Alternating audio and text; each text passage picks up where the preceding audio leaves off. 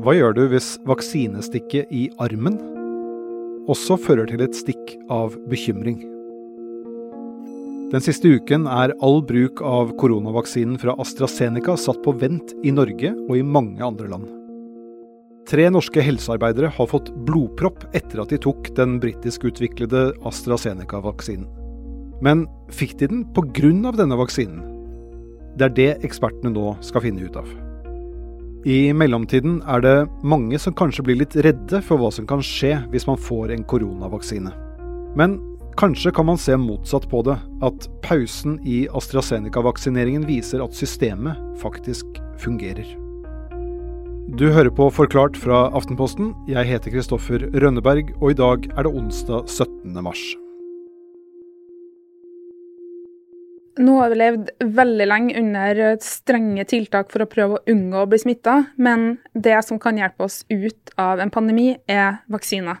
Og AstraZeneca var den tredje av vaksinene som ble godkjent for bruk i Norge. Og den skulle dermed være med på å bidra til at vi kan klare å komme oss ut av det her og tilnærma tilbake til et slags normalt liv, da.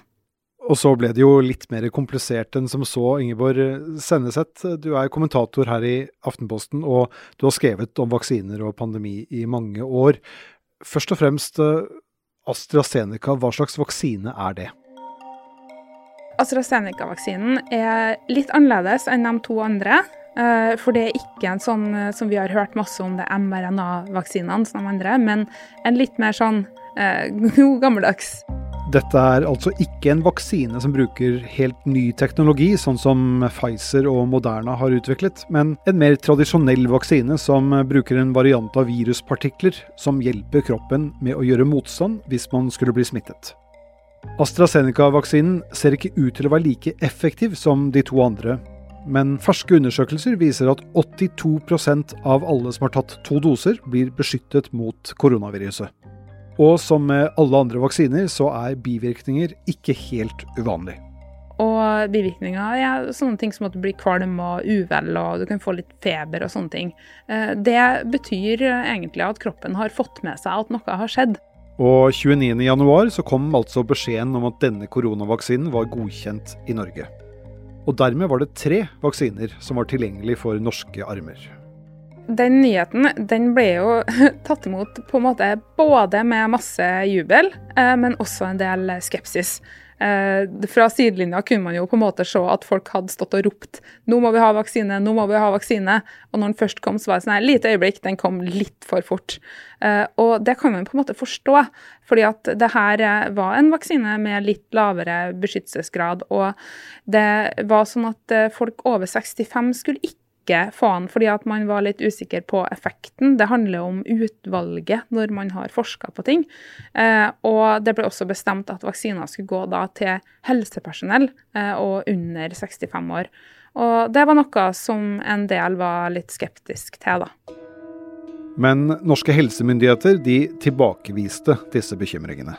Vaksinen er trygg, var deres budskap akkurat nå, sånn som smittemønsteret er nå i Europa og i Norge, eh, så vil det å ta en AstraZeneca-vaksine være veldig mye bedre enn ikke å ta en vaksine hvis man er eksponert for eh, smittesituasjoner. Sånn ville jeg tenkt, eh, tror jeg. Og i løpet av de første månedene i år ble denne vaksinen gitt til millioner av mennesker i Storbritannia og andre steder, inkludert i Norge. Så ja, det så jo ganske lovende ut, da. Men så begynte det å komme dårlige nyheter, bl.a. fra Danmark. Øh, først og fremmest vigtigt, at øh, når der er nogle, nogle risici forbundet med en vaccine, at så skal de afdækkes, og de skal undersøges ordentligt. Og derfor synes jeg, det lyder som en, en rigtig beslutning, at vi indtil videre sætter vaccinationer med AstraZeneca i bero. Og de her nyhetene det gjorde at uh, også norske helsemyndigheter tenkte at uh, nå setter vi uh, fingeren på den røde knappen. Vi setter alt på pause. Det her må vi finne ut av på en skikkelig måte. Eh, de bestemte seg for at eh, AstraZeneca-vaksinen eh, skulle bli stoppa inntil videre, også her i Norge. For også på sykehus her hjemme er nå vaksinert helsepersonell innlagt med blodpropp og blødninger. Ber vaksinerte følge med på bivirkninger. Tre helsearbeidere innlagt med blodpropp. Alle har fått AstraZeneca-vaksinen. Og for to dager siden ble det kjent at én av de tre helsearbeiderne som har vært innlagt på Rikshospitalet, var død. Eh, dessverre så hadde hun så stor eh, hendelse i hjernen, så livet sto ikke til redda, og hun døde i går. Det er en frisk pasient fra før. Hun fikk eh, all intensivbehandling vi kunne gi på Rikshospitalet. Helsearbeideren som døde, var en kvinne under 50 år som i utgangspunktet hadde vært helt frisk. De har en svært uvanlig kombinasjon av lavt antall blodplater, blodpropper i små og store kar, samt blødninger. Det kan også være flere som har fått såpass alvorlige bivirkninger. Helsemyndighetene undersøker nå også et lignende dødsfall på Tynset, en kvinne i 30-årene.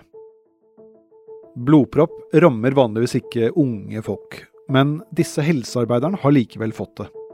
Kan det være pga. vaksinen?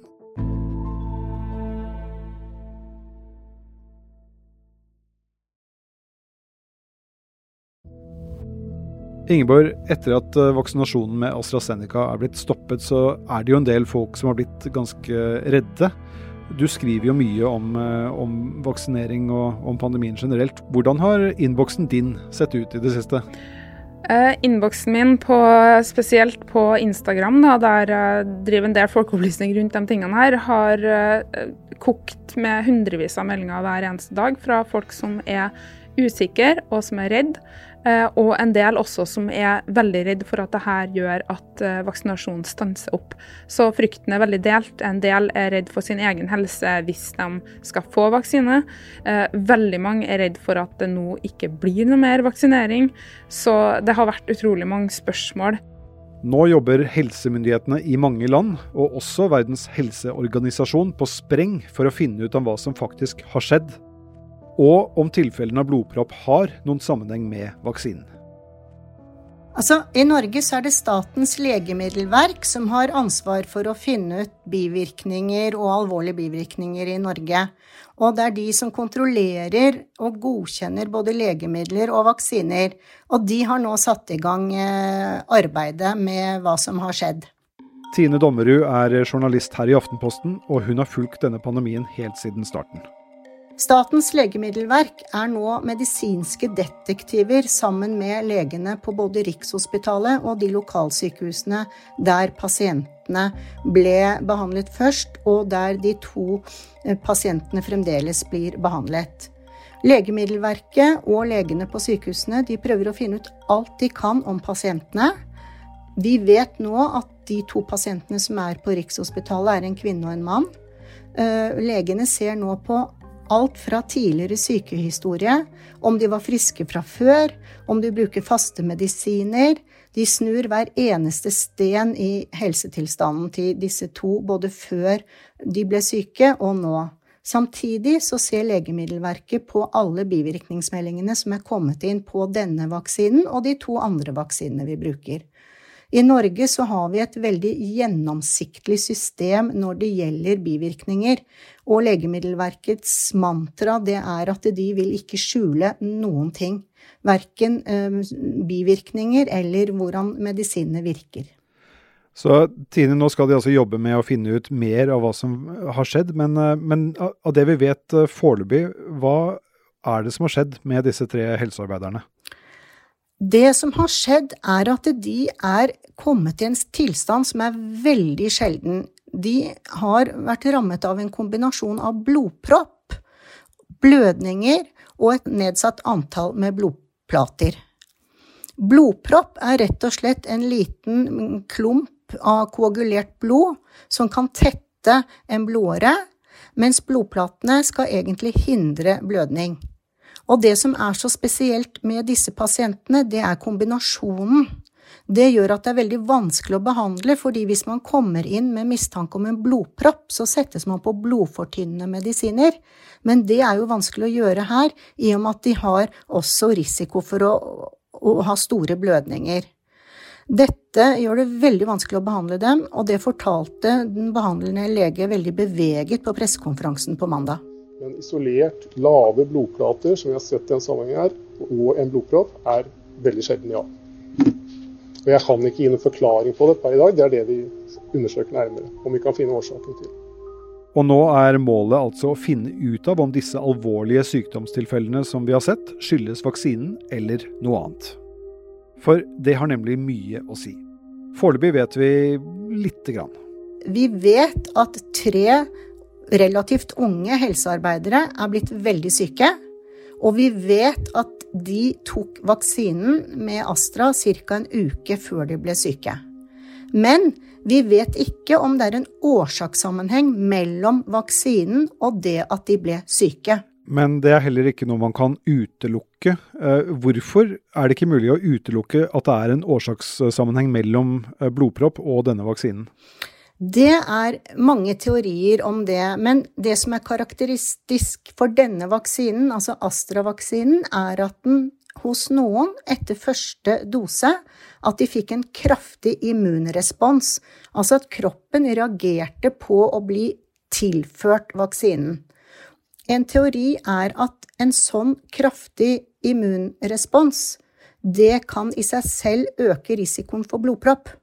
Altså det at kroppen går i et sånt beredskap. Og noen kan øhm, oppleve at blodet reagerer med at det vil levre seg litt, som i en slags forsvarsposisjon.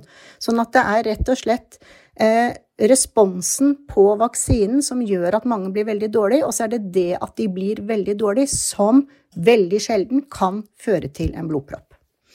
Men dette er bare en teori. Det presiserer Statens legemiddelverk hele tiden. Det er en teori, og det, vi vet ikke om det er derfor de er blitt syke. Mm. Og En annen teori, eh, Tine, det, det, er jo at disse vaksinedosene som, eh, som, det er snakk om her, kan ha kommet fra samme batch, som det kalles, eller parti. Eh, vet vi noe om det, og om det i så fall kan ha noe å si?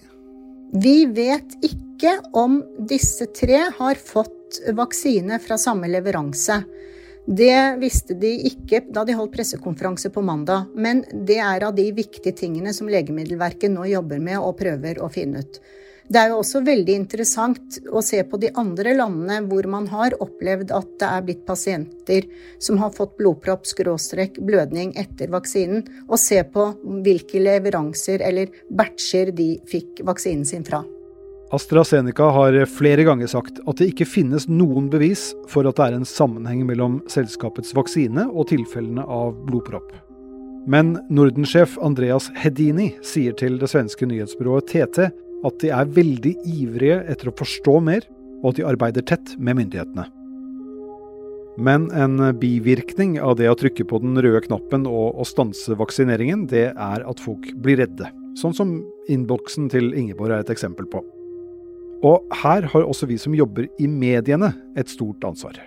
Altså, her kunne jeg snakka så lenge, fordi jeg blir veldig veldig provosert en del ganger eh, når det blir slått enormt opp sammenhenger som ikke er sikre, eh, og veldig korte overskrifter, veldig skremmende overskrifter. Eh, fordi at det er umulig å forholde seg til at 17 millioner mennesker har fått eh, vaksinen, og veldig få av dem har fått eh, bivirkninger. Det blir bare sånn krøllete tall. Men hvis at du ser at én person som kanskje minner litt om deg sjøl, kanskje er i samme alder, kanskje er i samme yrke, eh, har fått en alvorlig skade, så er ikke det første du tenker statistikk. Da tenker du å nei. Eh, sånn at vi i pressen har en kjempejobb med å prøve å være nøktern. Vi skal aldri legge skjul på ting, men jeg tenker at det finnes måter å formidle som er opplysning og ikke opphaussing. Men Ingeborg, hvis man nå etter alle disse undersøkelsene finner ut at det faktisk er økt risiko for blodpropp hvis man tar AstraZeneca-vaksinen, kan det likevel hende at man ender opp med å bruke den? Det avhenger helt av hvor stor risikoen er. Eh, når det gjelder vaksiner, så er det akkurat det samme som alle andre legemidler. At det med virkning, det har ofte også en bivirkning. Og da regner man kost-nytte. Er, er, er, det for stor risiko kontra den nytten vi ser? Um, er det mer verdt det å la være å ta det, eh, siden at eh, risikoen er for stor? Så det må vi jo nesten ta da. Eh, men vi har andre legemidler der vi vet at det her er, det her er farlig. Ut ifra det vi vet om p-piller, så gir det mye større risiko for blodpropp enn den risikoen som nå utredes om vaksiner. Og likevel så har vi landa på at jo, men vet du hva, 16-åringene våre skal ikke eh, havne ufrivillig gravid, for det kan, det kan bli inngrep osv. Det gir en større skade. Med absolutt alle legemidler så gjør vi den vurderinga, men da eh, må vi først ha fakta på bordet, og det er det vi håper nå da, at vi kan få. Helt sikker eh, kan vi nok aldri bli, og risikofri, det vet vi at det blir vi absolutt aldri.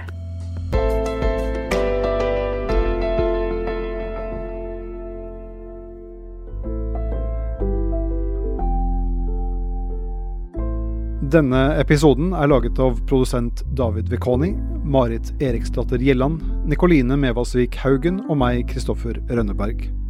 Resten av Forklart er Caroline Fossland, Anne Lindholm, Fride Næss Nonstad og Ina Swann. Du har hørt lyd fra NRK, VGTV, Legemiddelverket og nyhetsbyrået AP.